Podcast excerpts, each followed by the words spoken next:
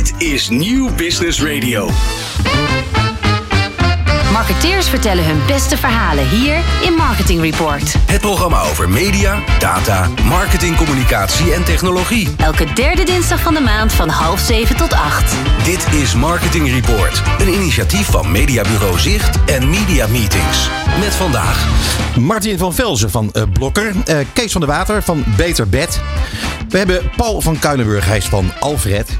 Joris van Heukelom, Maker Street. En natuurlijk, zoals altijd, René Zeedijk van Zicht op Media. Dit is Marketing Report.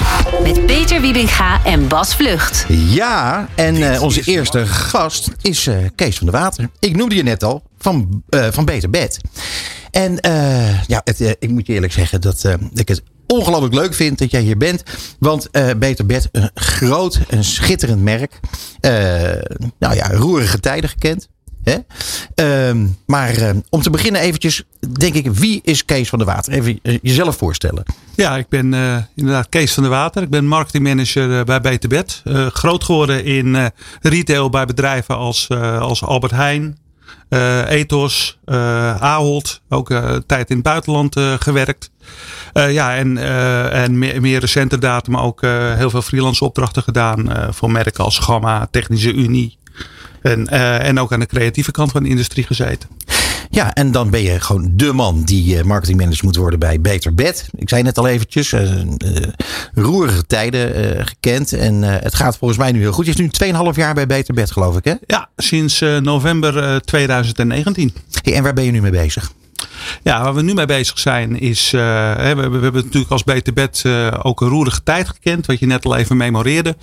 Um, ja, we hebben eigenlijk op dat moment uh, echt Beter Bed afgeslankt. Dus allerlei activiteiten ook in Duitsland, Scandinavië, Oostenrijk, die zijn allemaal gedesinvesteerd, zo maar te zeggen. Ja. Waardoor uiteindelijk nu een hele duidelijke Benelux focus zit, zit op, op Beter Bed. Ja, en waar we nu mee bezig zijn is een heel ambitieus plan om uh, grofweg te verdubbelen in omzet uh, naar 400 miljoen in 2025. Ja, en daar speelt marketing natuurlijk een hele belangrijke rol in. Ja, en daar zit jij. En uh, ja, precies. Ja, daar zit ik. En, en, daarom kijk jij ook zo vrolijk, Kees. Ja. Nee, ik moet zeggen, ik heb het uitstekend naar mijn zin, uh, Peter. Ja. Bij te bed. Uh, dus ja, ik. en we zijn hele mooie dingen aan het doen. We zijn, we zijn heel veel aan het bouwen. we, zijn, we zijn bezig om de winkels grondig aan te pakken. Hè. Niet alleen de bestaande winkels, maar we zijn ook druk bezig om, om, om nieuwe formulestrategieën en ook nieuwe type formules te ontwikkelen. Zoals onze Experience Store in Groningen, die vorig jaar geopend is. Kijk, we zijn heel druk bezig ook om, om online dominant uh, te worden. Mm -hmm. hè, via onze eigen webshops. Maar ook uh, over bekende platformen als bol.com, Fonk. Maar ook recentelijk Amazon zijn we over de grens gegaan in Duitsland. Ja, weer terug naar Duitsland. Nog heel eventjes, voordat Bas zit met een prangende vraag. Heb ik, ja. Dat zie ik aan zijn gezicht. Maar nee, ik heb nog even één dingetje. Je hebt het over een, een, een, de winkel in Groningen. Een experience center. Ja. Ligt daar iedereen de hele dag te snurken? Uh, nee, gelukkig niet. Want uh, weet je, uh, als, je goed, als je goed slaapt, ben je overdag. Hè, dat zei je als geen ander weet. En de luisteraars ook. Ben je gewoon overdag fit en energiek. En dat zijn onze mensen in Groningen ook. En ja, een van de belangrijkste innovaties die we daar hebben is, zoals wij noemen, onze Beter Slaap ID. Dat is een matras wat feitelijk doormeet als je erop ligt waar je de ondersteuning nodig hebt. Ah, oké. Okay. Is ook helemaal, alle matrassen die we aanbieden daar zijn allemaal doorgemeten op diezelfde drukpunten. Waardoor we klanten echt een, een, een feitelijk en op maat advies kunnen geven hoe ze beter kunnen slapen. Dus dat is echt uh, revolutionair okay, voor maar Nederland. dat is dus de experience. Nee, ik dacht dat, dat, dat je daar dan zo lekker ligt, weet je wel. Dat je het kan uitproberen. Dan lijkt ja. je dan vrij vlot. Uh, nou, maar goed. Ik, zou, ik zou je graag willen uitnodigen. Want wat je gewoon ziet is. Uh, bijvoorbeeld in onze matrashoek hebben we een hele mooie sterrenhemel. Waar we regelmatig zien dat onze klanten pijn en slaap vallen. Ja, zie je, dus, dat bedoelde ja, ik. Precies. Heb je ook Experience Store in Haarlem bijvoorbeeld? Uh, nee, nou, dat, dat, en dat heeft vooral te maken natuurlijk ook met de locatie. Hè. We zijn wel aan het kijken inderdaad van als dit een groot succes wordt, die Experience Store. Waar we, zouden we hem dan nog uh, meer willen hebben. En hoeveel ruimte is daarvoor hè, op basis van, uh, uh, van het omzetpotentieel. Maar ja, Haarlem hebben we wel bijvoorbeeld een prachtige boulevardstoer. Ook in de, bu in de buurt, buurt van, van Krukiers. Oh. Ja. Ja, en ja, uh, ja kijk, maar dat zijn wel winkels die we, uh, dat past ook in onze nieuwe formatstrategie, die we ook, uh, die we ook willen aanpakken en helemaal willen aansluiten op onze, onze, onze doelstelling beter slapen, beter leven. Ja, ja ik, wil, ik wil ook iets vragen. Ik wil eigenlijk beginnen met een opmerking, met een compliment voor de naam van het bedrijf waarvoor je werkt. Want ja, je kunt jezelf bijvoorbeeld wel bed noemen of goed bed. Maar dan beter bed. ja. Oh, het beste bed kan ook nog, maar even het beter met goede naam. En het, het zit meteen, eh, de propositie zit al in de naam zelf. Ze hebben heel weinig eh, brands die dat hebben. En ik was ook benieuwd hoe je dan in eh, Duitsland heet. Heet je daar dan Bessere Bed? Of, Nee, dat heette toen uh, Matratsenconcord. Oh, ja, dat is, is, heel anders. Is, is totaal ja, anders. Ja, goed. En uiteindelijk hebben we dat dus ook, uh, hebben we dat dus ook moeten verkopen. Hè? Om het zo maar te zeggen. Ja, of het in de naam zit alleen, uh, Bas, dat weet ik niet. Maar, uh. Nou ja, het is toch, toch, lekker, toch lekker meegenomen. Ik wil onze de technische man vragen of jij de, de, de kan laten instarten hoe jullie klinken op de radio. Tenminste, zoals wij denken dat het is. Wintersale bij Beterbed. Nu op alle M-Line Slow Motion matrassen 50% korting. Ga snel naar beterbed.nl. Ja, en mijn vraag is, dat is eigenlijk leuk, maar is, dat is dus jullie uh, uh, soundidentiteit. Ja, dat is, dat is, dat is in, in de nieuwe campagne is dat, is dat de afsluiter. Dat vind ik ja, echt heel mooi. Ik vind het ook heel mooi. Waarom een heel orkest? Ja. Gewoon, uh, nee, en zeker als je het vaker gaat horen. Precies. Gewoon, uh, en er zit ook iets, ook beter, hè? Er zit een soort van golfje in. Iets, iets, iets bedderigs heeft het wel. Nou, en als we dat daar toch over hebben, Bas, moet je horen. Nee, dat is echt heel interessant. Want namelijk, uh, Kees heeft mij verteld dat uh, uh, het gaat over gezonder, tegenwoordig productiever leven. Hè? Daar gaat ja. het overal over. En dan zegt Kees, mensen besteden 20 euro per week minimaal aan gezond eten. Echt, echt gezonde dingen. Uh, uh, 10 euro per week aan bewegen. En slechts 2 euro per week aan slapen. Nou, dat is. Kun je daar iets over vertellen? Vind je zo'n gek verhaal? Ja, ik denk dat, uh, dat er, uh, dat noem het even de afgelopen twintig jaar, uh, heel veel aandacht is geweest voor een gezonde levensstijl. Ja. En dan ging het vooral heel erg over, in eerste instantie, je moet gezonder eten. nou, met, met, met, met de stijgende welvaart, met obesitas een probleem, overgewicht. Dus daar gingen we daarover hebben. Ja, en nu zijn we eigenlijk toe aan de derde pijler van gezondheid. En dat is beter slapen. Hè? Want uiteindelijk beter slapen maakt mensen blijer, gezonder, maar ook productiever. Dus ja. ik denk dat dat dat inzicht heeft ons ook echt gebracht op, uh, op de nieuwe campagne, op de nieuwe positionering. Omdat we heel erg geloven, hè, ook vanuit het feit dat op dit moment nog maar 2 euro besteed wordt, dat er nog heel veel potentieel in die markt zit. Dus ik denk een hoop retailers eigenlijk wel een beetje jaloers op ons zijn dat wij gewoon in slapen zitten, wat, uh, wat heel snel groeit en waar heel veel aandacht voor is. Nou ja, en het, uh, het werd ook wel een keertje tijd. Ik merk zelf in, in mijn omgeving dat steeds meer mensen slapen heel belangrijk vinden. goede nachtrust. Mensen je ziet dat mensen veel vaker vroeger hun uh, nest ingaan. Uh, en dat inderdaad, uh, vroeger was, had je gewoon een matras. Maar tegenwoordig uh, ga je echt verdiepen in wat voor matras je zou moeten kopen.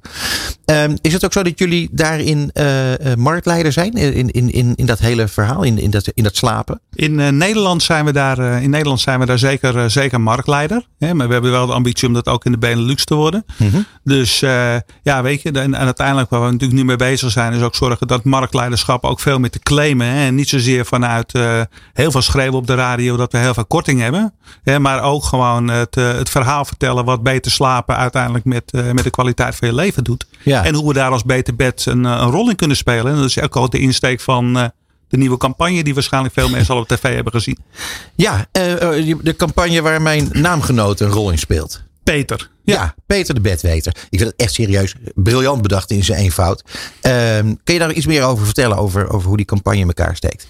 Ja, dat kan ik zeker. Nou, zoals ik zei, we hebben natuurlijk nieuwe positionering. Beter slapen, beter leven.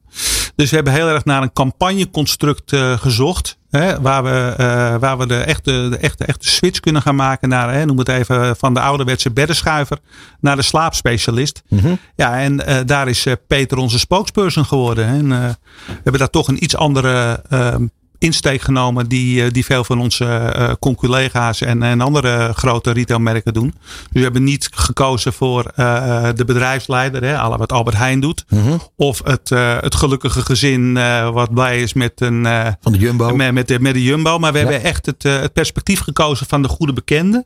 Iedereen zal het ook herkennen. Hè? Mensen in een omgeving die gevraagd, maar vooral ongevraagd, uh, heel veel advies geven over uh, hoe dingen beter kunnen. Hè? Af en toe bijna tot op de irritante af.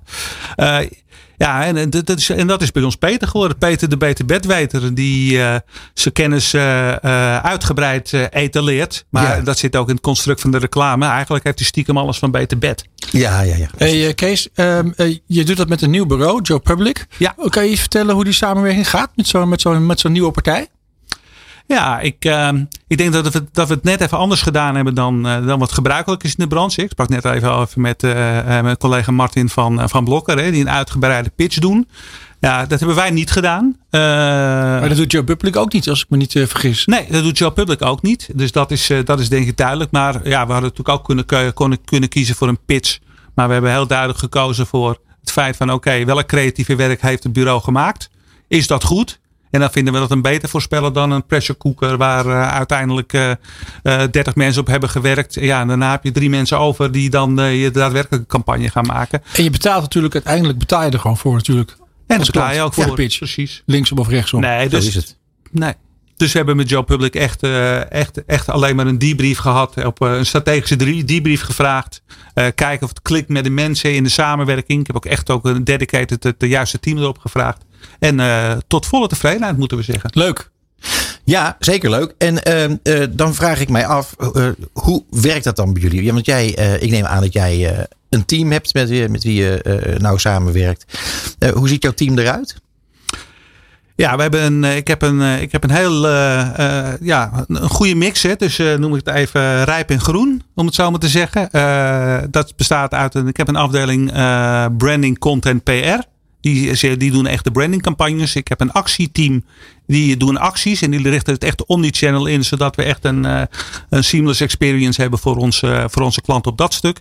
Ik heb echt een, een noem het even een productieloket. Een marketing operations. Die maken eigenlijk alle spullen. Uh, en ik heb, een, ik heb een art director en een stylist. En die bemoeien zich ook met de hele styling van, uh, van ons assortiment in de winkel. Hey, en dat loopt allemaal uh, als een speer, want het gaat goed met Beter Bed. Ja. Uh, wat zijn de, de, de plannen voor de directe toekomst en de verre toekomst? Gaan er nog uh, nieuwe dingen gebeuren die je nu al kunt verklappen? Nou, ik denk, uh, ik denk wat ik zeg, hè, die, die, die beter bed, uh, beter, die beter slapen ID die, we, die we hebben, die gaan we, die, we, die gaan we ook uitrollen naar een, uh, die willen we ook gaan uitrollen. Omdat we gewoon merken in, in Den Bosch en in, in Groningen waar we die hebben, dat, dat klanten daar gewoon heel goed op reageren. Ik zeg altijd van, op het moment dat ze bij ons geweest is, dan is het verhaal op, op, op een verjaardagsfeestje van, goh joh, ik ben bij Peter Bed geweest. Ik heb nu precies mijn goede matras te pakken. Ja, ja, ja, ja. nou ja, moet je uh, zeggen dat ik het heel leuk zou vinden om op jouw uitnodiging in te gaan. Ik hoop dat Bas ook meegaat. Dat is nou altijd gezellig. Uh, dan gaan we naar Groningen. Uh, ja, ja. Hele, hele, heel mooi is het in Groningen. En heel gezellig bovendien. Dus ik ga graag op die uitnodiging in. Oh, en hebben we nog één heel klein vraagje. Gewoon heel tussendoor. Ja. Heb je er ook speciaal aardbevingbestendige uh, matrassen in Groningen? ja, wat de fundering van het is allemaal redelijk nieuw. We zitten naast de Coolblue. Dus uh, die gaan ook niet over één nacht ijs. Dus ik, ik, je kunt daar echt met gerust hart met me mee naartoe. En ik beloof je echt een trillingsvrije omgeving. Nou, helemaal goed komen. Kees van der Water, marketingmanager bij Beter Bed. Heel erg dank voor je komst in de studio. Graag gedaan en bedankt voor de uitnodiging ook. Dit is Marketing Report op Nieuw Business Radio. Wat een groot plezier is het om Joris van Heukelom van Maker Street in de studio te hebben. Welkom. Het, het, het plezier is volledig wederzijds. Ja, nee, ik vind het ook leuk. Heet dat reciproc, dan weet je ja, dat. reciproc. Al, al, al, ik heb nog geen 10 seconden bezig en al iets ingewikkelds gezegd. Uh, ja, maar goed, Mooi, ik, ik, reken op nog veel meer, Joris. Beloofd. Oké, okay, top. Want namelijk, uh, wij gaan het hebben over de metaverse. En uh, nu hebben wij een enorm onderzoek gedaan. En dan, mm-hmm. als je dan in heel Nederland rondkijkt. Ja, dan komen we dus gewoon uit bij één specialist. En dat ben jij. En dan gaat het geloof ik niet om techniek. Hè, maar gewoon echt waar het gaat om, om wat is dat hele metaverse nou eigenlijk. En wat kunnen we ermee. Dus um, ja, dan is eigenlijk gewoon de eerste vraag. Waarom heeft iedereen het hier opeens over? Nou, in de eerste plaats wil ik een disclaimer zetten. Ik denk dat er heel veel specialisten zijn met betrekking tot de metaverse. Want je hoeft er niet zoveel van te begrijpen tegenwoordig om specialist te zijn.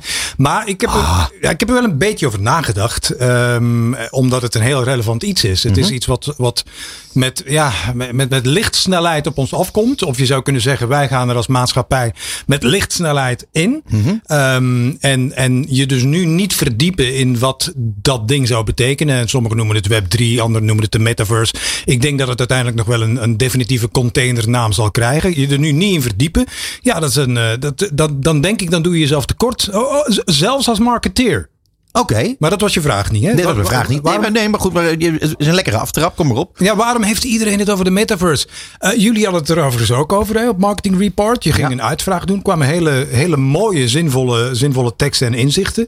Ehm, ik denk in de eerste plaats omdat iedereen eh, hoort, leest, ziet, voelt en ruikt dat er. Op dit moment in ieder geval ontzettend veel geld mee verdiend wordt. Ook al is het eigenlijk nog niet zoveel en weet niemand wat het echt is. Er- Er worden al miljarden, er wordt met miljarden gesmeten. Hè? We- de- dat, dat. Ehm, wat je ook ziet is dat fenomenen, artiesten zoals Travis Scott, die geven dan een, een, een optreden in Fortnite. En daar kijken dan miljoenen mensen naar. naar dat- en dat Betaald, is- hè? Betaald. Betaald, ja. Ja. En, en, en dat is dan voor, voor eh, mannen met zeven vinkjes zoals wij. Is, ja, Ja. ja. is dat toch heel moeilijk te snappen natuurlijk. Wat, wat, wat gebeurt er allemaal? En, en dan als klap op de vuurpijl, als Paris Hilton. ehm, ja, bij de Board Ape Club zichzelf ook een aapje aanschaft. Net zoals Memphis Depay en Eminem. Ja, dan moet er wel wat aan de hand zijn. Ja. Dan is er iets groots aan de hand. Ehm, ja, en, en dat is de reden waarom iedereen het over heeft. Omdat men voelt dat het, ja, dat het wat gaat worden. Eh, Facebook heeft aangekondigd. Zij komen met hun metaverse, The Horizon. Ze hebben hun corporate naam gerebrand naar Meta. Ja, dat Ja, is nog ja, geen niet voor niks. Ja, Niet voor dat niks. is dan ook niet voor niks. Ehm, ik, Sindsdien zijn ze wel een eh, 250 miljard minder waard geworden. Ja, ik denk dat daar geen kausaal verband ligt. Ik denk dat dat, dat, dat andere redenen heeft. Die trouwens zeer interessant zijn om, om ook enkele minuten aan te wijden. Ja. Ehm, ik zelf heb me gewaagd aan, aan nadenken over een definitie. Want ja, je vraagt me wel Ja. iets, iets heel wezenlijks. En ik denk, wat ik zie is dat het fysieke leven dat migreert naar het virtuele leven. Ehm, en dat wordt veel meer hybride. Dat hebben we ook gezien met remote werk. Dus alles wat we doen in de maatschappij waarbij we elkaar kunnen aanraken, daar komen ook facetten in het, in het virtuele leven. En hoe we dat dan met elkaar gaan regelen, dat hele pakket. Dus zowel hoe we dat dan gaan doen en wat we daar gaan doen en wie we er zijn en wie we daar zijn in wat. En hoe we dat met elkaar gaan regelen. Van wat is dat dan, wie we daar zijn en hoe we daar zijn en wat. Dat is volgens mij eh, wat op ons afkomt in, in, eh, met lichtsnelheid. En dat is buitengewoon interessant. Ook Is voor het, is het ook goed nieuws eigenlijk? Ja, dat is bijna... Behalve, behalve eh, geld verdienen. Dat is, een, dat is een ethisch vraagstuk en een psychologisch vraagstuk. Ehm, het internet eh, eind jaar, begin jaren 90, mid jaren 90 werd in ieder geval gebracht als goed nieuws. Mag jij zelf uitmaken of dat go- goed nieuws is eh, gebleken? Hè? Web 1, Web 2, e-commerce, al die dingen. Daar zitten goede componenten aan en daar zitten slechte componenten aan. Als je doorslaat met gaming, ja, dan word je ook verslaafd. Dus Ja. ik, ik, eh, ik ben hier niet gekomen en om te zeggen dat dit goed of slecht nieuws is. Het is iets wat op ons afkomst en waar we mee moeten omgaan. Oké, Ehm, nee, en bijvoorbeeld, al- als je nou marketeer bent, hè, dan bepaal jij het leven van je merk, toch? In de echte Zeker. wereld. Dat, Ja. dat is wat je doet. Dat doe je in de retail, dat doe je op televisie, dat doe je op radio, dat doe je op, het internet. Nou, je zal moeten leren eh, om te gaan, ook met virtuele werelden.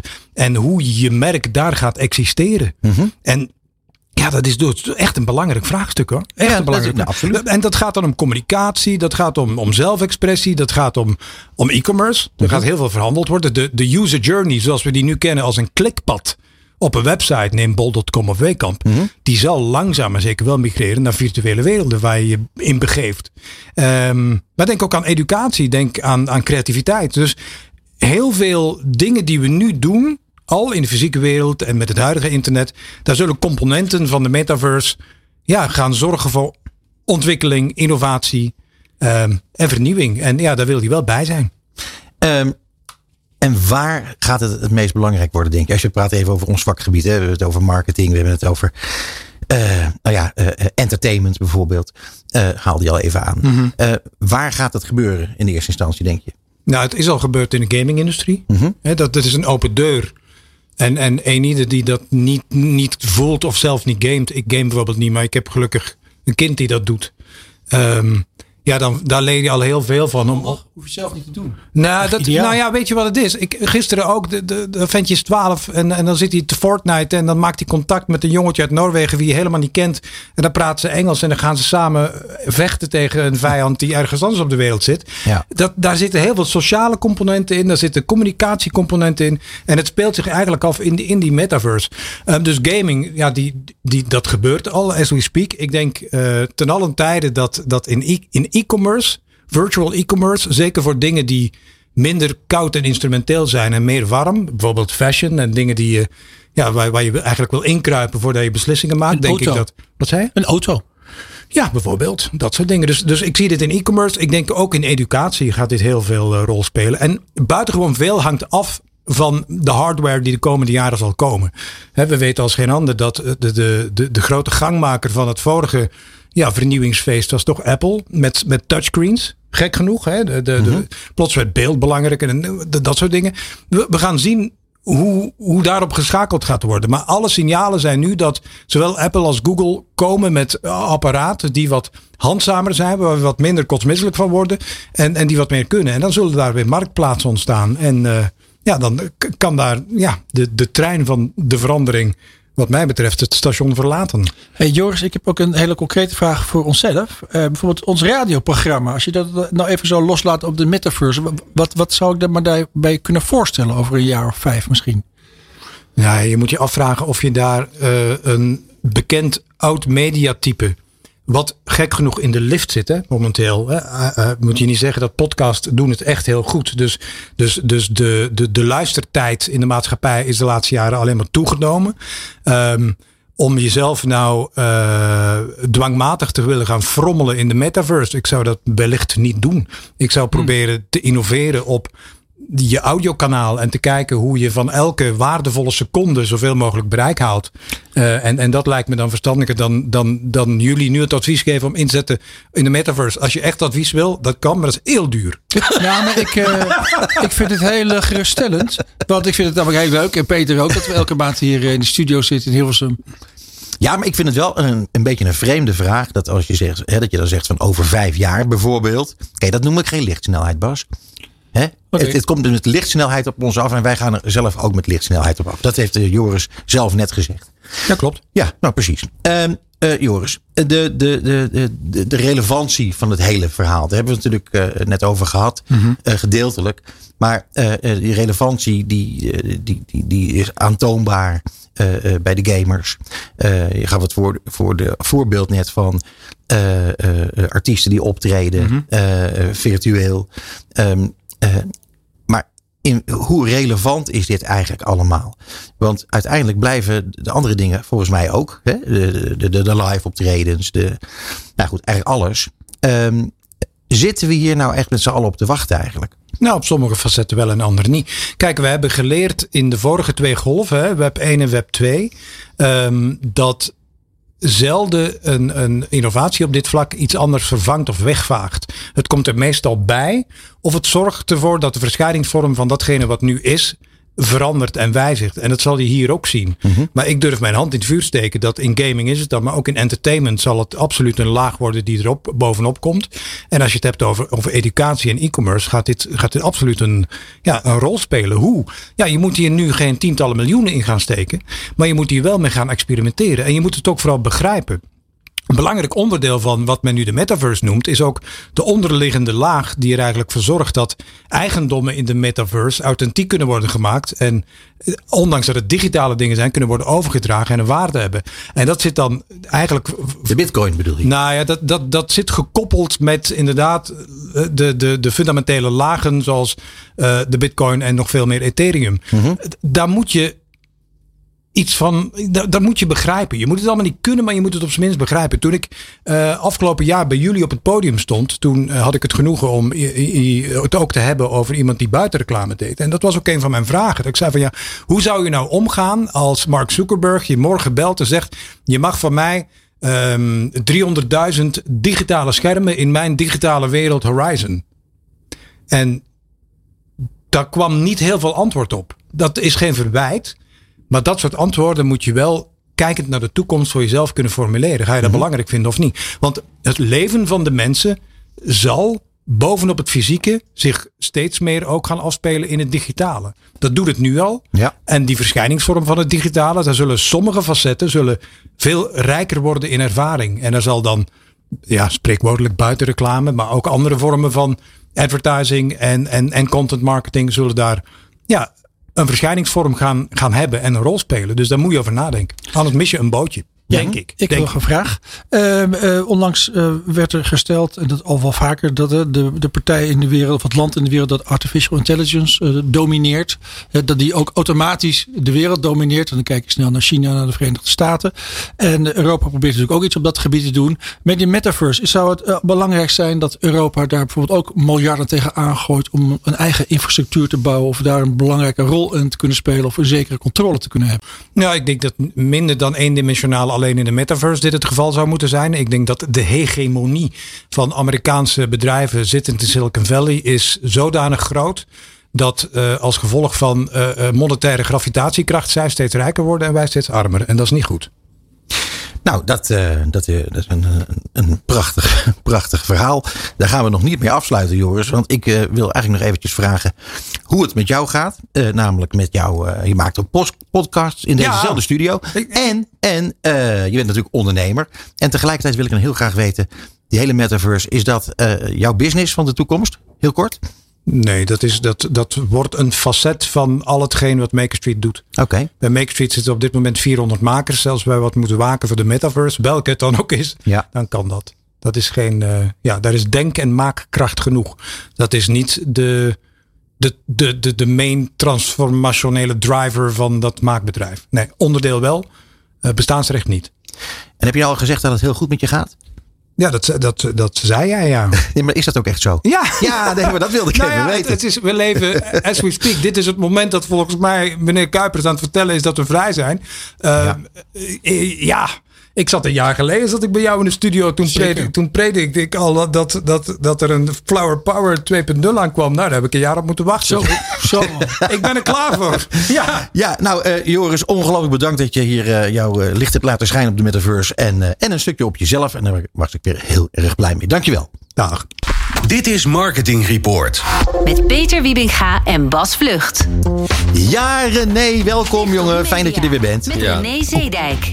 Ja, daar ben ik. ik ben Klopt. zo enthousiast dat ik net even iets te vroeg uh, inzette. Neem me niet kwalijk, René. Dat maakt niet uit. Uh, wel fijn dat ik zo enthousiast ben, toch? Zeker, nee, daar ben ik altijd blij om. Nou, kom ik hey, graag. Goed dat je er bent. Jij mm -hmm. hebt uh, weer natuurlijk allemaal, allemaal onderwerpen bij je die wij lekker gaan bespreken. Ja, zeker. Zaken. Zeker. En we kijken altijd de act actuele onderwerpen uiteraard. En uh, eentje is toch wel de, de, de AVG. Daar ga ik zo meteen wat over vertellen. En, uh, en ja, Alexander Klupping zien we opeens overal in de media opduiken. Zo zeg. Het begon gisterochtend. En dat heb ik eigenlijk als, ook als onderwerp meegenomen. En misschien wel leuk om daarover naar mee te beginnen, Peter. Ja. Heel dus, graag. uh, ja, ik denk de meeste mensen Alexander Klupping nog wel kennen van, uh, van het feit dat hij aanschoof bij de Wereld Draait Door. En vertelde allemaal over nieuwe ontwikkelingen in die digitale wereld. En gadgets. Gadgets en dergelijke. En dan zat hij bij Matthijs en dergelijke. En, en nou, gisteravond opeens, uh, er waren vaak gadgets van, van de grote techpartijen uit Amerika. En nu opeens uh, zat hij gisterenochtend in het nieuws en gisteravond, et cetera. Om eigenlijk aan te geven dat hij een claim gaat neerleggen van maar liefst, hou je vast, 1 miljard euro bij Apple en Google. Ja, namens, dus, uh, namens de Nederlandse consumenten. Juist, namens ons eigenlijk. Ja. Hij hoopt uh, nou, minimaal 10.000 inwoners van Nederland, de bevolking te kunnen vinden. Die aangeven van ja, ik heb te veel betaald voor mijn apps die je betaald natuurlijk kunt, kunt downloaden. En daar gaat het dus om. Dus, Wist jij dit eigenlijk? Die 30 procent? Ja, ik, je had het al een keer eertje. Vorig jaar kwam er al een keer een grote claim van Epic Games. Kan me nog herinneren. Uh, van Fortnite onder andere. Ja. Dus het grote spelletjes. Die, die op een gegeven moment zeggen van. Ja, dit Apple stopt daarmee. Dit kan gewoon niet. En het heeft Apple gewoon eruit gegooid bij de nieuwste release van een game. Oh. En uh, dus daar gebeurde het al. En die werden dus gewoon keihard gewoon uit, uit, uit, uit het systeem gegooid. Gewoon als, als game leverancier. Ongelooflijk. Dus daar is eigenlijk bij begonnen. En, en Clupping is nu uh, vanuit een stichting. Er zijn meerdere mensen bij betrokken. En ze hebben een grote investeerder opgehaald. Want er gaat natuurlijk enorm veel juridische kosten. Gaat dit, natuurlijk, dit gaat natuurlijk jaren en jaren duren. Hè? Dus echt niet dat morgen Apple en Google zeggen. Nou laten we dat miljardje maar overmaken naar Nederland. En ze zijn een uh, stichting begonnen. En ook een website. Big Tech Fair Play. Daar, daar kun je alles over lezen. En En zij gaan dus nu eh, beginnen naar, eh, naar Google Airplay om eh, een Apple, sorry, om namens ons dus een claim neer te leggen. En waar het dus echt exact om gaat, is dat als jij nu een betaalde app wil downloaden, hè, dan betaal je een bepaald bedrag. En daar zit eigenlijk 30% opslag in, Ja. omdat er gewoon geen ander betaalsysteem is dan die van Google of Apple. Ja, het is er wel, maar er wordt niet toegestaan. Dat wordt niet toegestaan, precies. En normaal natuurlijk, als jij iets koopt bij, bij Zalando of wat dan ook, dan kun je kiezen uit, nou, wat zal het zijn? Vijf tot tien betaalsystemen. Ja, ja. Hè, En sommige zijn gratis, en sommige moet je misschien iets voor betalen. En hierbij is gewoon 30%. En dan betaal jij dus eventjes. eh, en, eh, En dat, dus gebeurt, plaats- en dat gebeurt wereldwijd. en dat gebeurt wereldwijd. Dus kun je nagaan natuurlijk hoeveel geld, om hoeveel geld het gaat. Maar denk jij dan dat zo'n claim eh, ook maar enige kans van slagen maakt? Behalve, wat natuurlijk altijd goed is om het hierover te hebben, om er aandacht voor te vragen. Mhm. Maar als Apple en Google, die, die hebben toch gewoon hele, hele, hele diepe zakken. Dus als, er, als je een juridisch traject ingaat, dat is toch gewoon niet te doen? Nou, dat is het punt. En daarom hebben ze dus grote Amerikaanse partijen zover gekregen. Die hierin zijn gespecialiseerd. En ook, eh, ook, ook juristen. Om dit gewoon echt lange tijd eh, eh, uit te kunnen gaan zingen. En kijk, en, en het interessante weer voor zo'n bedrijf. Die kijkt er gewoon heel commercieel naar. Hè? Die heeft gewoon geïnvesteerd. En gewoon gezegd. Luister, als er wordt uitbetaald. Is 25% van mij. Ja. Dus dat is natuurlijk hun, hun verdienmodel. nou, hopelijk voor ze in de toekomst. Want dan is het dus uitgekeerd. En dan gaat het natuurlijk nou, de rest eigenlijk naar de bevolking. Min overige nog kosten. En, eh, dat is Ik vind het toch een moeilijk verhaal, René. Want kijk, stel nou voor, ik heb eh, een, een, paar apps gedownload. En die Ja. kosten, eh, weet ik veel, 5 euro is een tientje 5 daar en zo. ja. maar ik bedoel, ik, ik vind op dat moment voor mij persoonlijk, Mhm. vind ik het echt veel te veel gedoe om daar 1 euro terug te eisen eh, en bij die andere twee. Nou, klopt. Maar ik heb natuurlijk even op zijn site gekeken gisteravond. Hè, die Big Tech Fairplay. En daar kan je echt gewoon met een e-mailadres en je voor- en achternaam. En eh, bevestigen dat je een Apple of een Android gebruiker bent. Ben je al klaar op dit moment. Oh, oké. Dus zo makkelijk is het. En dat gaat dus echt namens de bevolking. Dus we hebben gewoon heel veel steun nodig. Heel veel mensen die zeggen van ja, ik ben ook slachtoffer geworden eigenlijk. Hè, Van deze monopolie. En, eh, of du- duopolie moet je eigenlijk zeggen. ja. En, eh, en, en daar gaat het dus eigenlijk om. Eh, dus je hoeft niet heel veel te doen. Ze maken het eigenlijk heel makkelijk. Oké. En wel mooi dat Alexander Klupping. Ik zat gisteravond even in de statuten te kijken. En dan zie je ook dat Alexander Klupping. Nou, die krijgt dan 50.000 euro vergoeding. En hij heeft bedongen dat die vergoeding naar het platform Follow the Money gaat. Dus, dus hij verdient er persoonlijk niets aan. Hij schuift zijn vergoeding eigenlijk weer gelijk door. Dat vond ik echt heel mooi. Dat, dat had ik nog niet teruggelezen in de pers. Maar ik zag het weer staan in de, in de statuten. Dat vond ik toch heel grappig. Ja, toch leuk. Ik, Ja. eh, overigens, over die kansen van slagen. Ik, ik, ik kijk er toch net even iets anders naar. Mhm. Eh, onlangs heeft de regering, eh, de centrale regering in Brussel, Europese eh, eh, eh, eh, wet aangenomen. Die het voor Big Tech juist heel erg moeilijk maakt. Sterker nog, eh, Facebook heeft al gedreigd om eh, de, eh, Europa helemaal te verlaten Dus ja, het hoeft maar een klein stapje te zijn. eh, of de Europese politiek die kan dit soort dingen ondersteunen. En, eh, en ja, ik zie, ik zie dat daar toch echt wel mogelijkheden. Ehm, eh, omdat het partijen als Google en Facebook en Apple toch ook wel regelmatig op tegen vette boetes zal aanlopen nu. Juist om dit soort dingen. Ja, maar er zijn heel veel claims. Er zijn natuurlijk ook hele andere claims die er al hier liggen. Ja. Ook over de privacy en dergelijke. Komen ze meteen ook al op. Dus kijk, je ziet dat Google en Apple natuurlijk en allemaal dat soort partijen echt op, op alle fronten worden aangevallen nu. Ja. Dat gaat ook heel hard. Daar is er gewoon eentje van. Nu ik dat toch je aandacht heb, René. Denk je nog dat er ooit nog een eh, Europese tegenhanger van Google wordt gebouwd? Een Europese tegenhang. Nou, natuurlijk, dat zal altijd wel zullen de initiatieven zijn. Maar of je het ooit nog zover kunt schoppen om daar een echt tegenhanger voor te zijn, dat is natuurlijk heel ingewikkeld. Zolang Google zo machtig blijft, lukt het je gewoon niet om die positie te pakken. Maar je hebt ook gewoon Bing, Microsoft. Het is een zoekmachine. En er zijn er nog veel meer natuurlijk, zoekmachines die er zijn. Maar ja, Bing is geloof ik 8% marktendeel en, eh, en Google 92, zullen we Ja, in. Europa, maar in Amer- in Amerika is het anders. Hè? Ja. Nee, maar er zijn wel een kleine initiatieven. Hè? Eh, ook reclamevrij en... en, en eh, eh, Ja, met bomenplanten heb je er ook een. Dat zal best, ja. Dat zou heel goed kunnen. Met bomen planten? Ja, als je dan zoekt, dan wordt er een boom geplant. En niet een hele boom. Maar Oké. als je maar genoeg Oh, zoekt, zo. dan wordt er een boom Nou, die geplant. ken ik nog niet, eh, Bas. maar- Nou, het is, Ja, dan misschien dat we er die een gebruik hele jij. uitzending aan kunnen wijden. Ja. Ehm, maar ehm, het, het is in elk geval een, eh, een mooie storm die eh, hij eh, daar aan het aanwakkeren is. En Ja. ik, vind het, eh, ik vind het heel goed van hem. En eh, ik vond het een mooi nieuwtje. Ik wist het ook nog niet. eh, dat van eh Follow the Money vind ik echt eh, Ja, vind dat ik een goed verhaal. Want dat is, die, die, die verdienen ook echt eh, ieder steun. doen, absoluut, zeker. Leuk dat de club in helpt. Hey, en dan gaan we het over, eh, over eh, de cookies ook hebben. Maar en daar is ook, ik heb het al eens vaker over gehad, maar daar is nu veel gebeurd in een week tijd ongeveer. Dus de, wat er eigenlijk gebeurd is, is nou, eigenlijk begon het vorig jaar al natuurlijk, dat, of een tijdje geleden, dat de browsers als eh, Firefox en, en, en Safari eh, hebben gezegd, we stoppen met third-party cookies. Google zei, voor hun Chrome systeem, dat gaan we in 2022 mee stoppen. Oftewel, dan is het niet meer mogelijk om gebruik te maken van third-party cookies. Oftewel, je kunt mensen minder makkelijk volgen. Toen zei Google, nou, ik moet nog even wachten. Ik moet nog een nieuw systeem vinden. Het wordt eind 2023. Dus iedereen, waaronder in Nederland, denkt allemaal, oh, ik heb weer even de tijd. Rustig aan. Hè, en uh, uh, we gaan gewoon nog even lekker door met de third-party cookies uh, plaatsen. Totdat opeens het IEP in België, IEB Europe. En dat is de brancheorganisatie voor de online branche, voor de internetbranche. Mm -hmm. in, in Nederland heet het tegenwoordig VIA, omdat ze zijn samengegaan. Die kregen opeens een boete van 250.000 euro. En uh, vanuit de, uh, de toezichthouder, de lokale toezichthouder, met de mededeling dat zij een overtreding zijn en dat zij eigenlijk een verwerker zijn. Oftewel, ze slaan data op. En dat doen ze met het tooltje waarmee je dus als consument, als je een website bezoekt, akkoord geeft op het plaatsen van cookies. Die kennen we allemaal. Mm -hmm. Die drukken we elke dag denk ik wel een paar keer op uh, waarschijnlijk akkoord. Nou, dat is helemaal ondersteund en uitgezocht en door IAB Proof weggezet. En 80% van alle uitgevers in Europa gebruikt eigenlijk dat tooltje. Mm. Nu blijkt het tooltje dus niet te kloppen. Zo. En uh, dat is dus heel heftig nieuws.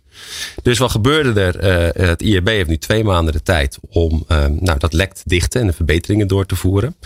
En toen kwam in Nederland opeens een paar dagen later de, de um, uh, AVG, de autoriteit de persoonsgegevens, de AP moet ik eigenlijk zeggen, die, die houdt toezicht op, opeens met de uitspraak, joh, gaan we niet te kijken naar een nieuw tooltje.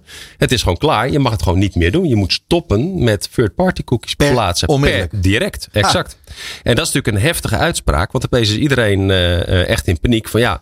Gaan er nou op korte termijn flinke boetes ontstaan? Wat natuurlijk mogelijk is, hè, dat er gewoon flinke boetes worden uitgekeerd aan de grootste uitgevers. Dus denk aan de DPG en het Talpas en de RTL's en dergelijke. En, en vele andere partijen. Of wachten ze nog even totdat het IEB een oplossing heeft gevonden. Maar het is opvallend dus dat de autoriteit persoonsgegevens nu in Nederland zo hard heeft gesteld. Je moet ermee stoppen. Dus betekent dat je niet meer kunt wachten tot eind 2023 als Google ermee stopt. Nee, dan zou het betekenen dat je echt binnen nou, nu in een paar weken moet stoppen. Voor heel veel publishers is dat een grote uitdaging, want dat kan wel tot 70% van de inkomsten gaan ja, schelen. Ja. He, want, want als je dus niet meer zo gericht kunt targeten, wordt jouw advertenties worden gewoon minder waard. Ja. Dat is eigenlijk wat er gebeurt. Als je gerichter kunt targeten, gaan adverteerders meer betalen. En hiermee is het gewoon minder uh, makkelijk om daar te gaan targeten. Hoewel overigens, uh, naar mijn uh, bescheiden mening, het uh, wel zo zou moeten zijn. We hebben dit vaker besproken, dit onderwerp. Uh, de, die cookies die, die, die zouden gaan verdwijnen. Ja. Dus dan moet je daarvoor iets in de plaats stellen. We hebben vaker gezegd, er meer creativiteit bij Klopt. kijken. Uh, uh, iedereen ziet het aankomen. Nu komt het opeens wat sneller. Maar er was natuurlijk al sprake van dat het per 2022 zou verdwijnen. Dus Absoluut. eigenlijk zou iedereen er ook wel een beetje klaar moeten zijn. Nee, dat, dat is ook klaar. Iedereen had dat natuurlijk veel beter moeten voorbereiden. En Ja. een van de beste partij die dat heeft gedaan is de Ster. Dat was natuurlijk vanuit de publieke omroep. eh, echt opletten dat ze absoluut niet in overtreding zijn. En zij hebben in 2018 al een heel mooi eh, systeem ontwikkeld om cookievrij te kunnen targeten. En dat heet hè, bij hun heel mooi contextual targeting. Dus op heel goed snappen waar de lezer van een artikel of kijker of dergelijke geïnteresseerd in is. En daarop een advertentie op loslaten. En dat heeft heel goed eh, gewerkt. En dat is eigenlijk ook wel een van de oplossingen gaan gewoon weer op basis van omveld targeten. Dus waar gaat die site over? Of contextual targeting. Waar gaat het artikel over wat iemand leest? Hè? Eh, Of bouw profielen op met toestemming natuurlijk van de gebruiker. En dat zijn eigenlijk de, de, de, de, best, de meest geschikte oplossingen om je daarop te gaan richten. In plaats van wachten tot er een keer een oplossing komt als vervanging van cookies. Want dat blijkt gewoon heel ingewikkeld. Je, ziet gewoon aan de autoriteit dat ze gewoon zeggen klaar ermee. Het duurt allemaal te lang. De Ja. markt is daar te langzaam in. En dat is ook zo. Is dit ook niet een, een, een, een, eh, een flinke trap eigenlijk naar, eh, naar, naar Google? Want ik bedoel, die, die zeggen, nou, we gaan dat toch weer uitstellen naar eh, eh, 23. Dat klopt. Want we hebben nog geen oplossing. Nou, eh, dikke vinger. Mhm. Eh, het is nu gewoon afgelopen. Klaar. Is een, klopt, want die is natuurlijk aan het rekken.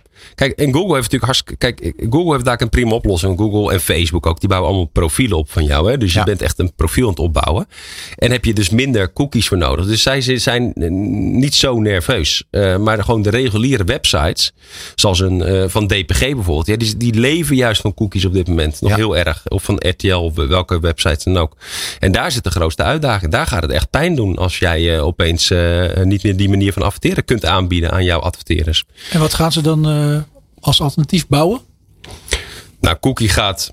Ja, dat is een heel ingewikkeld. Want er komt een systeem aan. Dus ik denk dat dat, dat nu te ingewikkeld is. Maar wat je, wat je met name ziet, is dat, dat je contextual targeting moet gaan toepassen. Dus dat je eh, een advertentie plaatst naast een artikel wat, wat aangeeft waar, de jou, waar jouw interesse in zit. Dus als jij een artikel leest over auto's, over zeilboten, nou, dan geeft dat een indruk waar jij geïnteresseerd in bent op dat moment. En de bureaus die zijn er ook klaar voor. Uh, daar kun je ook nog uh, flink mee scoren als je gespecialiseerd bent in contextual targeting. Zeker. Maar contextual targeting is al zo oud eigenlijk. Hè? Dat, dat gebeurde 15 jaar geleden al. Alleen dat is een beetje op de achtergrond geraakt doordat cookies kwamen en third-party cookies, waardoor het heel makkelijker was en om nog gerichter te targeten. Ja, dat klopt.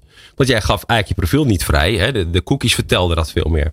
En dat is eigenlijk wat er gebeurde. Dus dat contextual targeting is een beetje in de achtergrond geraakt. Maar het is echt al 15 jaar of 10 jaar geleden was het echt gewoon dagelijks business. En dat komt gewoon snel terug. Dus die partijen die toen al actief waren op dat front, kunnen dat nog steeds heel erg goed. En, en de systemen. Een paar jaar geleden kwamen er partijen op en uh, die zeggen van ja, uh, maak verdien geld met je eigen profiel. Ja, hou je eigen profiel bij, word ook eigenaar van je, van je eigen data. Ja. En dan kan jij zelf aangeven -huh. welke partij met wie je dat wil delen. En Ja. dan krijg je daar ook gewoon voor betaald. Dat, Ja. dat lijkt toch niet heel erg nog van de grond te komen. Nou, ik denk dat ze toe. 15 jaar te vroeg waren. Eh, ik ben ervan overtuigd dat er een soort DigiD-systeem gaat komen. Nou, DigiD kennen we allemaal wel.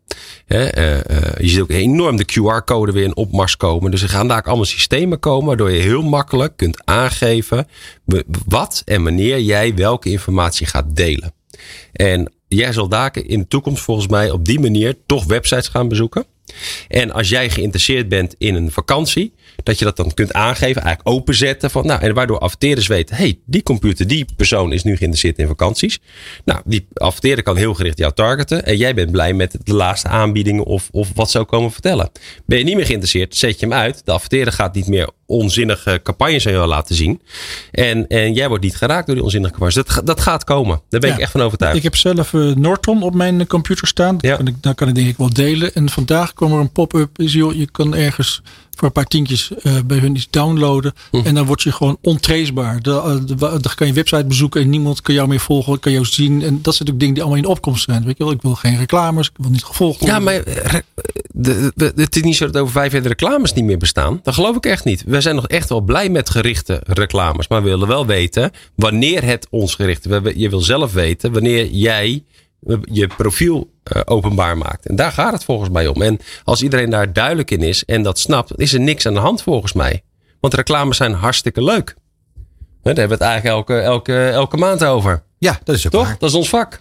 En er is straks nog een andere gast hè, die daar iets leuks over gaat vertellen, Peter. Dat klopt, maar daar gaan we het nu niet over hebben. Ik Nee. zou, als het mag, eh, René, want het is natuurlijk eigenlijk eh, jouw eh, eh, eh, verhaal dit, met zicht op media.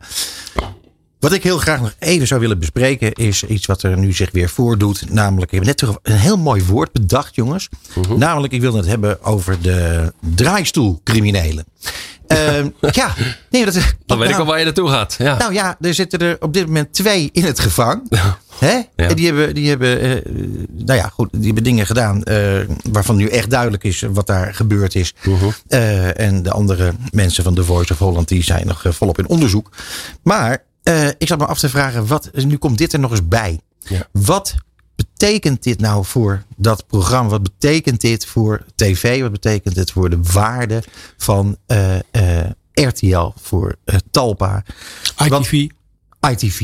Want ik bedoel, weet je, het begon ergens. Maar dit, dit, dit- het lijkt wel of daar, nou daar, ik maakte een grapje met draaistoelcriminelen. Maar het, eh, het is zo langzamerhand, eh, lijkt het wel alsof je crimineel moet zijn om op die stoel te mogen plaatsnemen. Eh, wat gaat dit betekenen?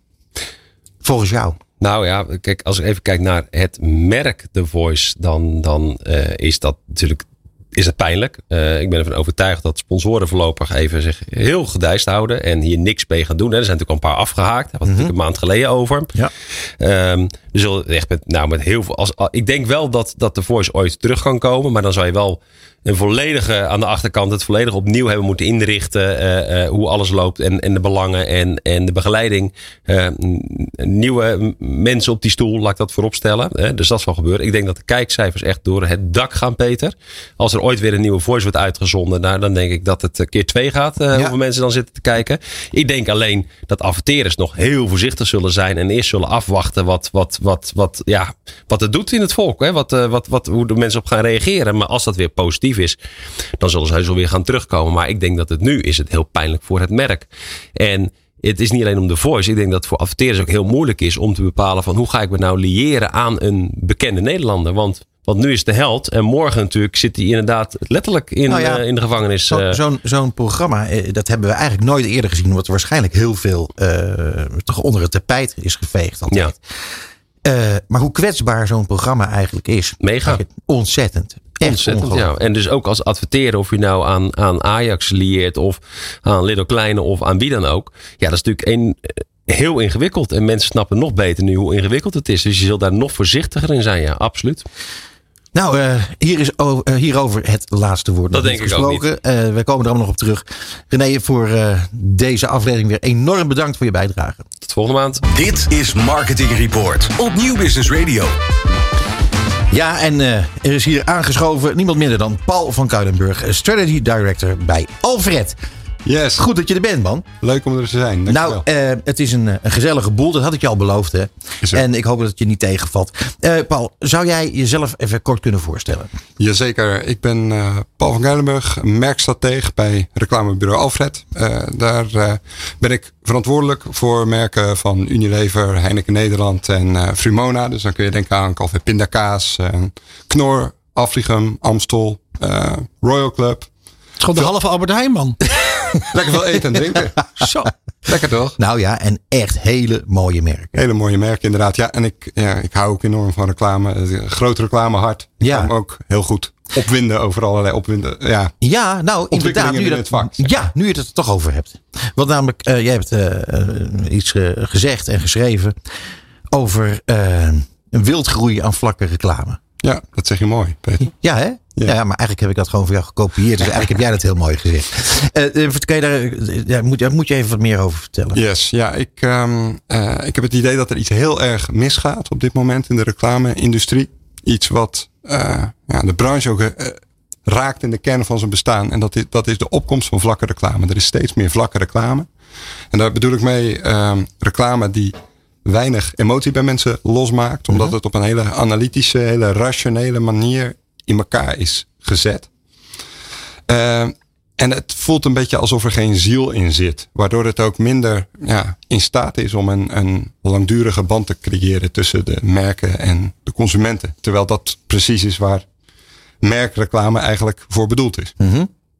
Ehm, maar eh, als je dat constateert, hè, Ja. Ehm, nou, eh, eh, twee, twee dingen zie ik hier. Je zegt eh, misgaat op dit moment. Is het niet iets wat al veel langer speelt? Of is het... Ja, het is iets, het is iets wat je in een ontwikkeling van de afgelopen 10, 15 jaar Ja, dat is best wel een- Het is precies. langzaam maar zeker steeds minder effectief geworden, reclame. Ehm, en dan is de tweede opmerking die ik er graag wil maken, of vraag, aan wie ligt dat eigenlijk? Hm. Want als je dit constateert, is dat dan bijvoorbeeld de, de opdrachtgever die bang is om emotie te tonen, om eerlijk te zijn? Of ligt het bij de bureaus die eigenlijk gewoon eh, niet iets, iets fantastisch eh, weten neer te zetten, iets niet durven of niet tegen de klant op durven te staan? Of, wat is er gebeurd? Ja, het ligt. eh, het lastige aan het, aan het probleem is volgens mij dat het aan een heleboel partijen tegelijk ligt. En dat, dat beide partijen er ook, ja, je zou kunnen zeggen, schuld aan hebben. Of in elk geval ja, aan, aan hebben bijgedragen. Wat is er gebeurd? Ik denk eigenlijk ehm, dat het een onbedoeld gevolg is van de, de digitalisering van het vak. Dus als je kijkt naar 10, 15 jaar geleden, toen, eh, toen hebben een heleboel eh, eh, reclamebureaus hebben gezegd, nee, vanaf nu gaan wij ideeën digital first gaan we ontwikkelen. En in het begin was, werd dat vooral gezegd, omdat dat heel vooruitstrevend klonk. En, eh, En cool. En, en lekker cool en Ja. bij de tijd. Maar eh, gaandeweg merk je ook dat, dat conceptontwikkeling steeds meer digital first wordt eh, aangestuurd. Eh, en dat, dat heeft allerlei voordelen, maar dat heeft ook wat nadelen. Je merkt namelijk dat digital first vaak ook een beetje, een beetje rational first betekent. Dus dan bedoel ik dat het, dat het niet wordt, uh, dat het hele conceptontwikkelingsproces niet wordt aangestuurd. Mhm. Vanuit de, de gedachte van, nou, hoe kunnen we mensen verleiden? Hoe kunnen we ze uh, meenemen in een verhaal? Maar veel meer vanuit wat zijn de technologische mogelijkheden die we tot onze beschikking hebben om producten te verkopen. Ja. En ja, dat is ook heel belangrijk. Uh, kijk, je, je, je kunt denken aan dingen direct kunnen meten, die dingen direct kunnen aanpassen. Je kunt ook denken aan mogelijkheid om te targeten, verschillende boodschappen, de juiste boodschap, juiste persoon, juiste moment. En dat zijn allemaal hele waardevolle uh, ja, technieken. Ja. Uh, met maar... name, nou ja, met name op het moment uh, dat mensen uh, al voor jouw product in de markt zijn. Op mm -hmm. het moment dat ze daar aandacht voor hebben. En dat ze openstaan voor die, voor die rationele boodschappen. Maar op het moment dat je voor de echte merkreclame, die een breed publiek moet aanspreken, ook de mensen die nog niet op dat moment in de markt zijn. Uh, dat je het heel rationeel gaat, gaat insteken.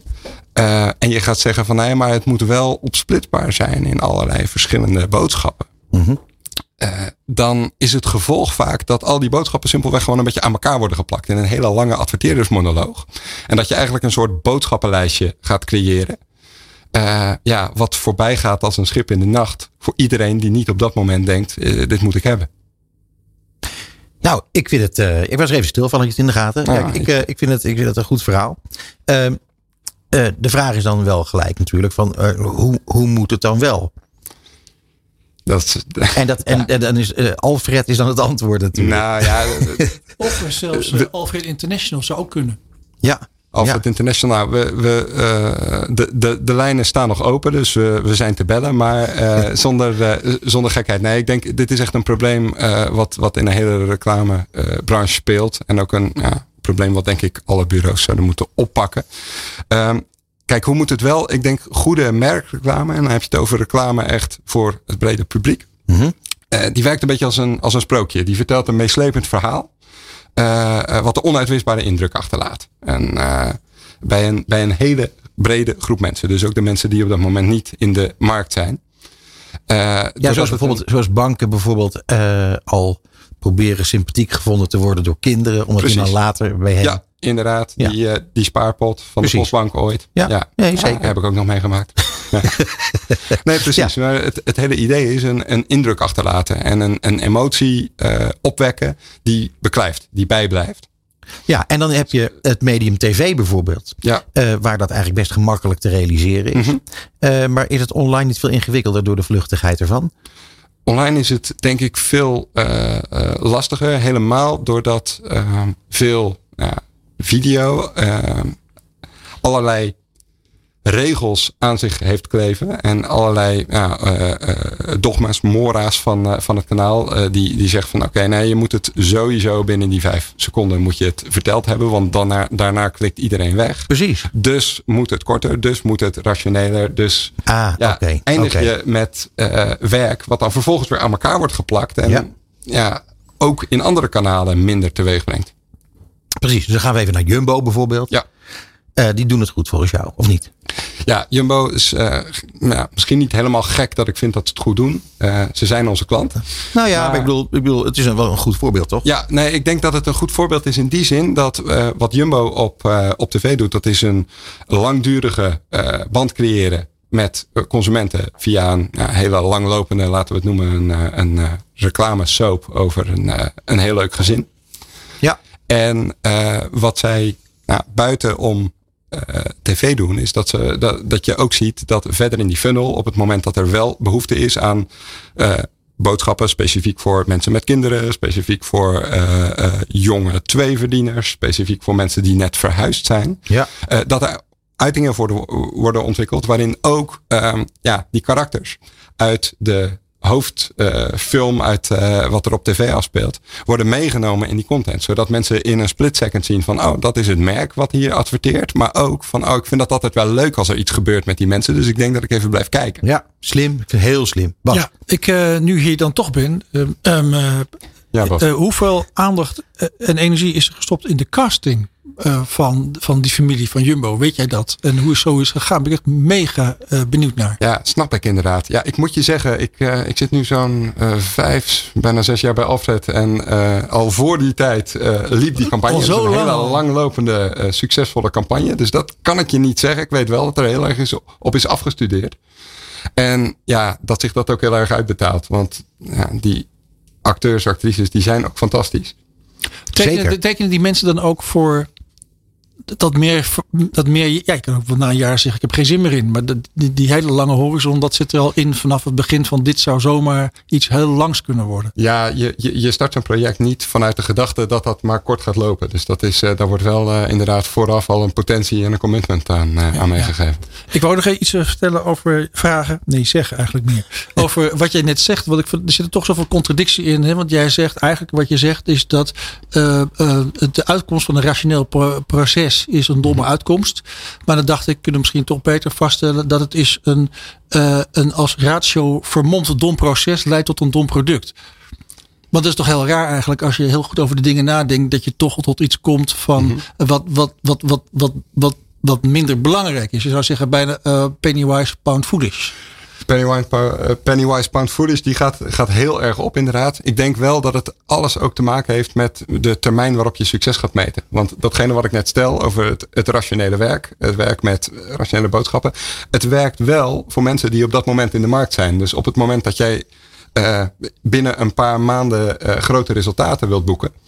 Eh, dan, dan is het wel een effectieve methode. Dus op het moment dat je zegt, nou, dat, dat is wat ik wil, dan, dan valt daar wat voor te zeggen. Het hele punt is alleen dat op, je, op het moment dat je langdurige groei wil realiseren, dus langdurige groei in marktaandeel, in winst, in eh, reductie van je, van je prijsgevoeligheid, ja, dan is het inderdaad een stuk minder. Omdat elke keer.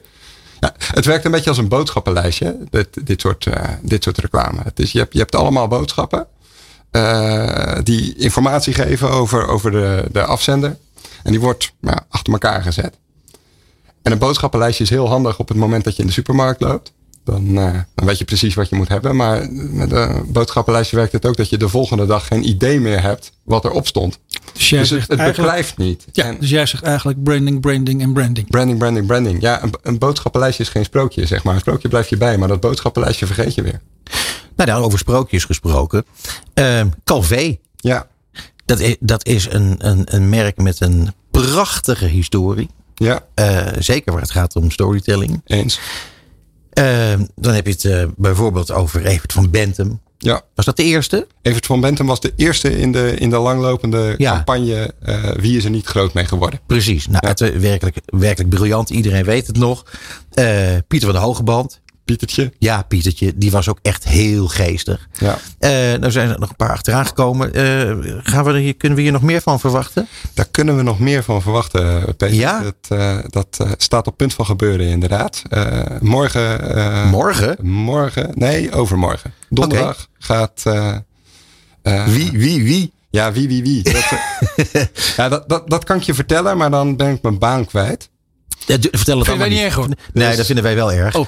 Ja, dat vinden we wel erg. Nee, dan gaat het maar niet vertellen. Uh, ik... Maar overmorgen kunnen we alles zien. Ja. Uh, kun je wel al een, een, een, tip van de sluier oplichten? Ja, ik kan een tipje van de sluier oplichten. Uh, het, uh, het gaat om wederom een topsporter in kinderjaar. Oké. Okay. Het gaat ook om een vrouw. Oké. Okay. We hebben natuurlijk Lieke Martens gehad. Ja, die een was paar leuk. jaar geleden. Die was echt leuk. Ja. En dat, en dat was, uh, daar hebben we het over vier jaar geleden, was de eerste keer dat Calvé Pindakaas uh, afstapte van uh, een man in de hoofdrol en, en, en een vrouw in het zonnetje. En wat leverde dat op in sales? wat levert het op in sales? Dat, dat is een hele goede vraag. Die kan ik niet zomaar beantwoorden. Maar het merk heeft daar heel goed bij gevaren. Wat lastig was in de tijd dat Lieke onerg was. dat is dat, um, dat er op dat moment ook een brand was geweest in de, in de fabriek. Waardoor Calvé Pindakaas simpelweg eigenlijk de vraag naar potten aan kon. Dus dat was eigenlijk dat een on ongelukkige samenloop van omstandigheden. Maar, ja, dat, maar uh, dus, uh, dus wij kunnen nu gewoon gaan zitten raden wie het is. Maar wie het ik ja, gewoon ga doen. Klopt. Ik ga gewoon overmorgen kijken uh, op tv. En misschien ook wel online. wie de volgende is in dit Wij gaan ervoor zorgen verhaal. dat het, ja. dat het niet te missen is. Dus, hey Peter, wij zijn het zelf in ieder geval niet. Dat kunnen we vast verklappen. Precies. Paul van Kuinenburg, uh, Strategy Director bij Alfred. Veel dank voor je komst in de studio.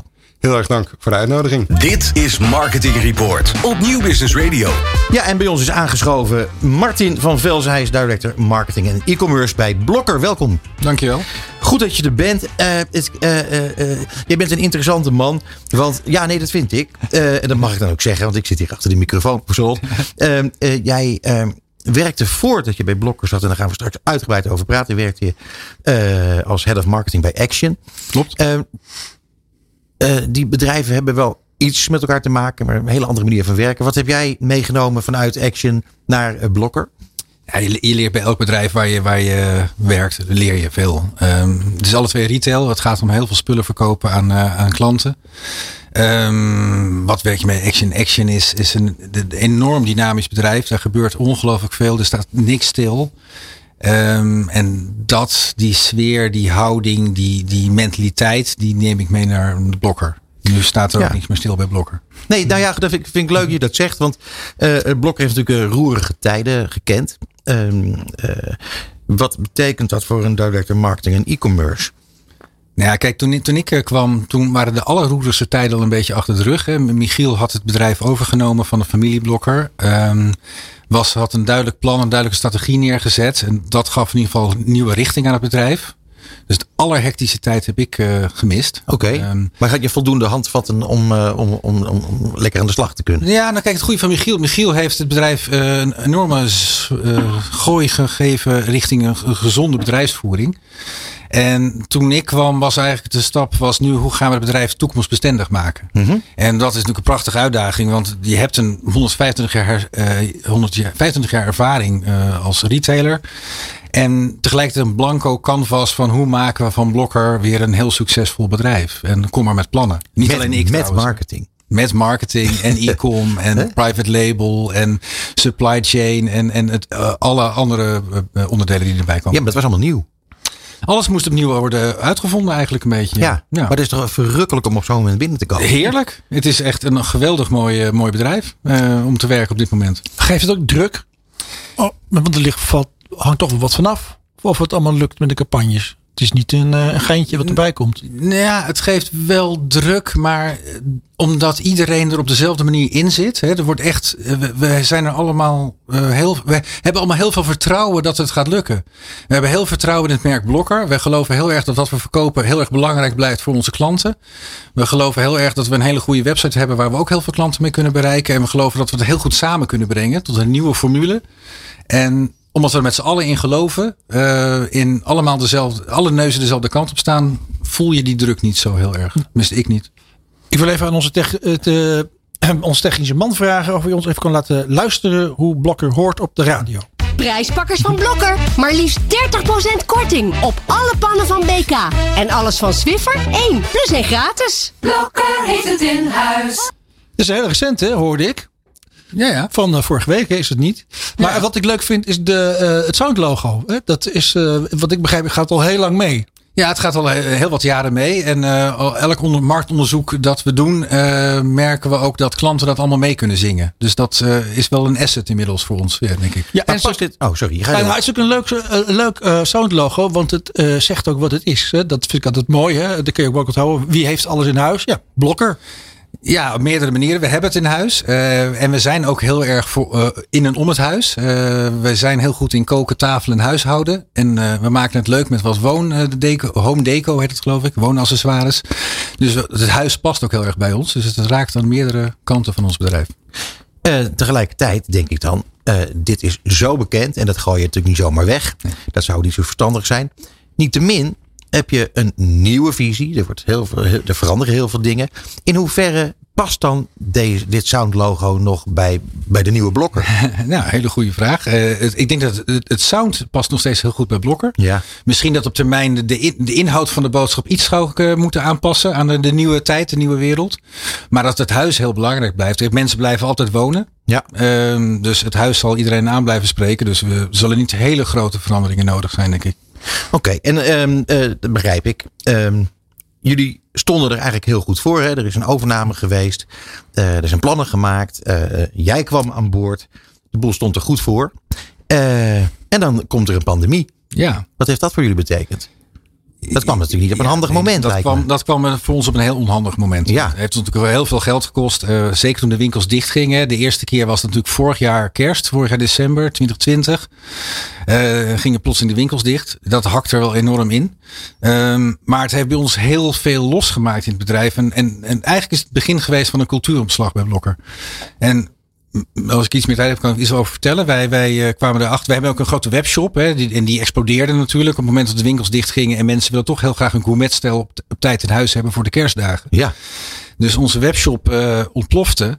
Ehm, maar PostNL kon de pakjes niet meer bezorgen. En die dreigde allemaal na kerst bezorgd te worden. En, maar wij hadden 4500 mensen thuis zitten. Die normaal in onze winkels werkten. En die niks te doen hadden. 4500 man. 4500 man. Niet niks. Nee. En toen hebben we met elkaar overlegd en bedacht dat we misschien die mensen konden vragen om de pakjes te gaan bezorgen. Dus wij zijn met al 4500 medewerkers pakjes gaan bezorgen. Eh, Volstrekt briljant. Dank je. Wat, ja, nee, serieus. Zo ongelooflijk goed. Eh, ik kan me namelijk er alles bij voorstellen dat dat eh, op heel veel fronten heel veel betekend heeft. Ja. Dat ga jij, hoop ik, me nu vertellen. nee, het is, het is, het is heel veel, het heeft heel veel betekend. Want eh, ten eerste bracht het web en winkel plotseling heel dicht bij elkaar. En, en dus beide culturen zagen hoe goed ze elkaar konden aanvullen. En ze hadden elkaar nodig en het werd één bedrijf. In plaats van een webbedrijf en een winkelbedrijf, werd het één bedrijf. Ten tweede ontstond er een enorme positieve vibe in het blokker. Van we kunnen wat met elkaar. We kunnen iets positiefs eh, losmaken. We kunnen ondernemen. We, we, we kunnen inspelen op, op uitdagingen die ons voor ons gelegd wordt. En, en eh, omdat ook onze CEO in de auto sprong en, en eh, pakjes ging bezorgen. En ook de vakkenvuller in de winkel op de fiets sprong. En iedereen samen de schouders eronder zette. Ontstond er een hele nieuwe vibe in het bedrijf. Dat begrijp ik heel goed. En, en dat is wat we enorm hard nodig hadden na die moeilijke tijden. Om, om, om echt weer dat geloof, dat ervoor gaan, samen, saamhorigheid in te krijgen. Dit is het ja, mooiste eh, interne com- cultuurprogramma wat je maar kan bedenken geweest voor ons. En die, en die klanten, want ik kan me zo voorstellen, dan het ring, dat doe je open, er staat er iemand, neem ik aan. en, dan, en dan die mensen zeggen, dan maak je een praatje. Nee, ik eh, werk daar en daar, bij de blokken. Dat is toch een experience op zich, kan ik me voorstellen. Ja, nee, het, het kreeg ook veel media aandacht. Dus veel mensen hadden ook gehoord dat Blokker dit ging doen. Dus je werd er echt op aangesproken. En ja, ik heb geen blokkerpakje. Als bij marketing hebben wij geen pakjes. We mogen onze eigen kleren aan. Maar ehm, eh, je, ja, ze vroegen gewoon aan je. Bent u ook Oh, de ging zelf ook- Ik heb zelf ook heel veel pakjes gereden. Ja, zeker. Met je eigen auto? Met mijn eigen auto en mijn eigen fiets. En soms als het druk was, dan nam ik een van mijn kinderen mee. En dan eh, hoefde ik niet te parkeren. Dan renden mijn zoon of mijn dochter uit de auto om het pakje te bezorgen.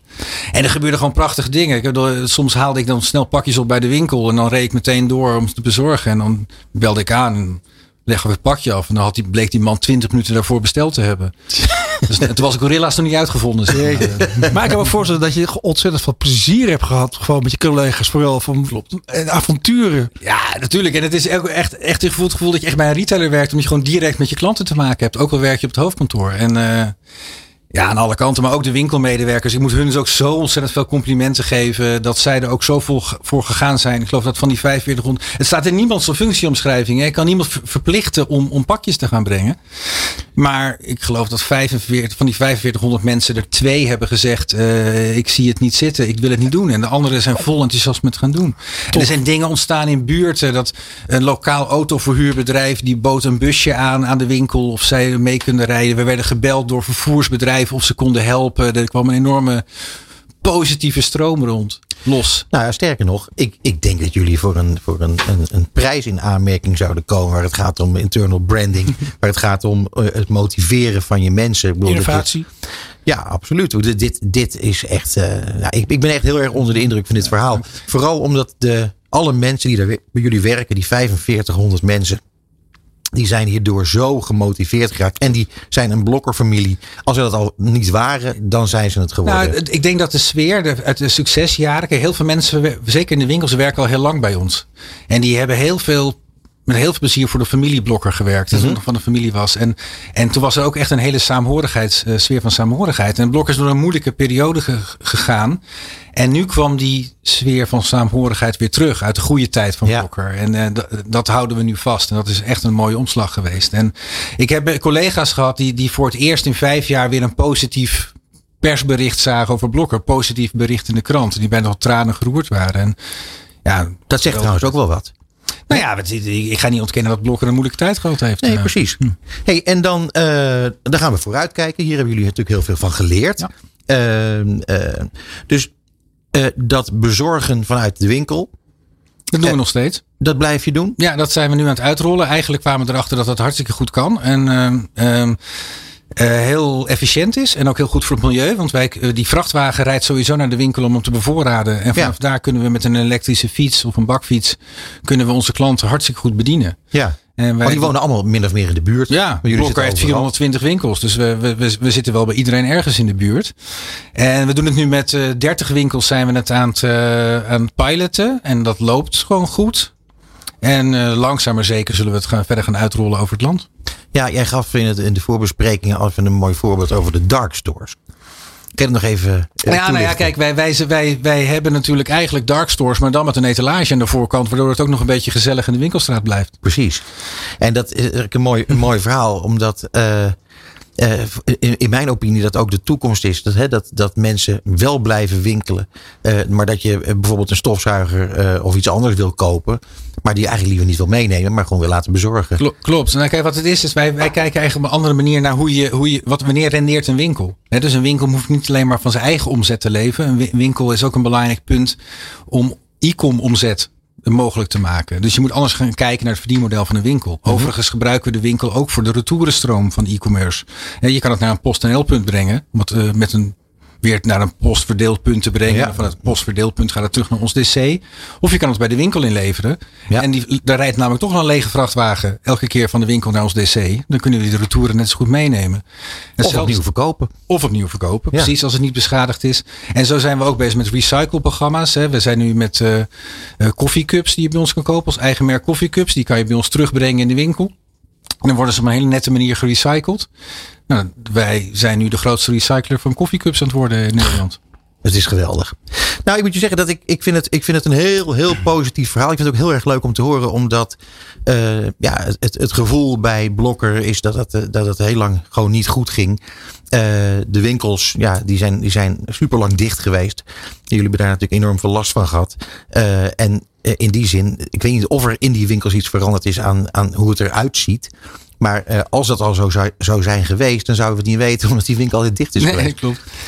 Nee, hoe, ziet de, hoe ziet de, de, de, de nabije toekomst eruit voor Blokker, denk je? En uh, heb je ook een vergezicht?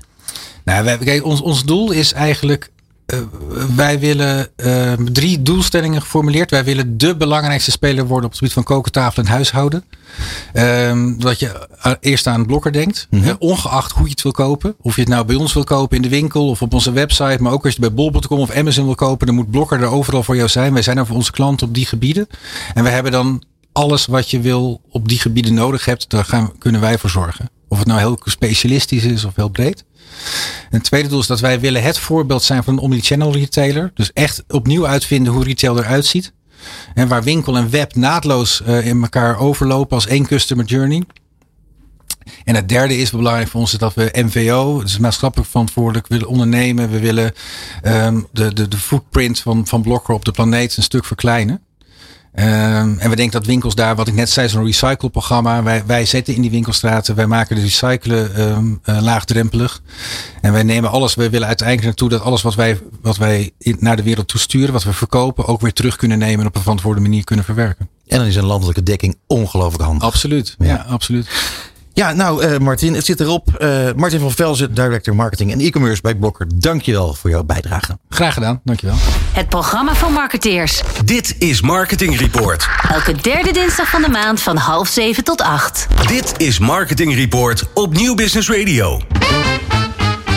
Hey Bas, ik, ja. vond het, ik vond het weer een verrukkelijke uitzending. Een top uitzending. En ik heb ook meteen weer de quotes van de avond oh, ja? uh, genoteerd. Ja, die oh. kwam van Kees van de Water van Beter Bed. Ja. En die legde uh, eigenlijk in één zin uit wat hij aan het doen was.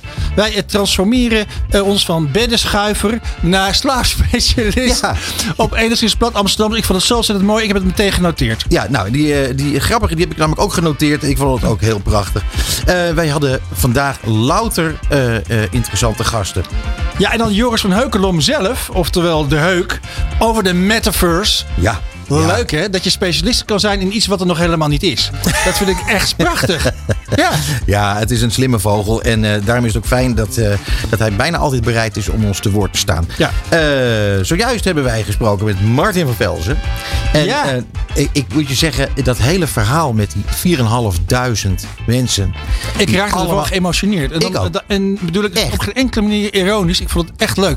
En weet je waar het mij deed denken? Aan de, de, Nou. de lifecycle eh van brands. Hè. Daar heb je van die mooie grafiekjes van. Het gaat dan op en dan gaat het weer naar beneden.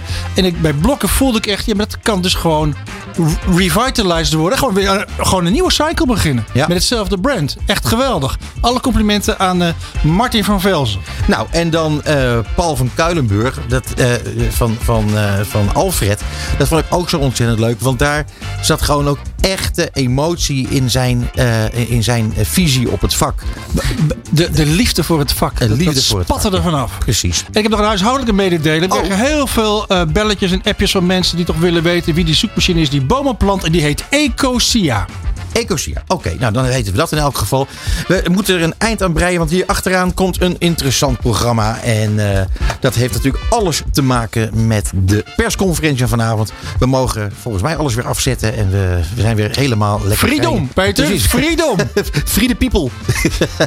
hey eh, jongens, eh, bedankt voor de bijdrage aan dit programma. Luisteraars, bedankt voor het luisteren. Techniek was weer helemaal tip-top in orde. Dus heel graag tot de volgende keer. Tot zover Marketing Report op New Business Radio. Alle gesprekken zijn terug te luisteren via podcastkanalen als Spotify, Duke of Apple Podcasts. Komende maand zijn we er weer op de derde dinsdag van de maand tussen half zeven en acht uur. Tot dan.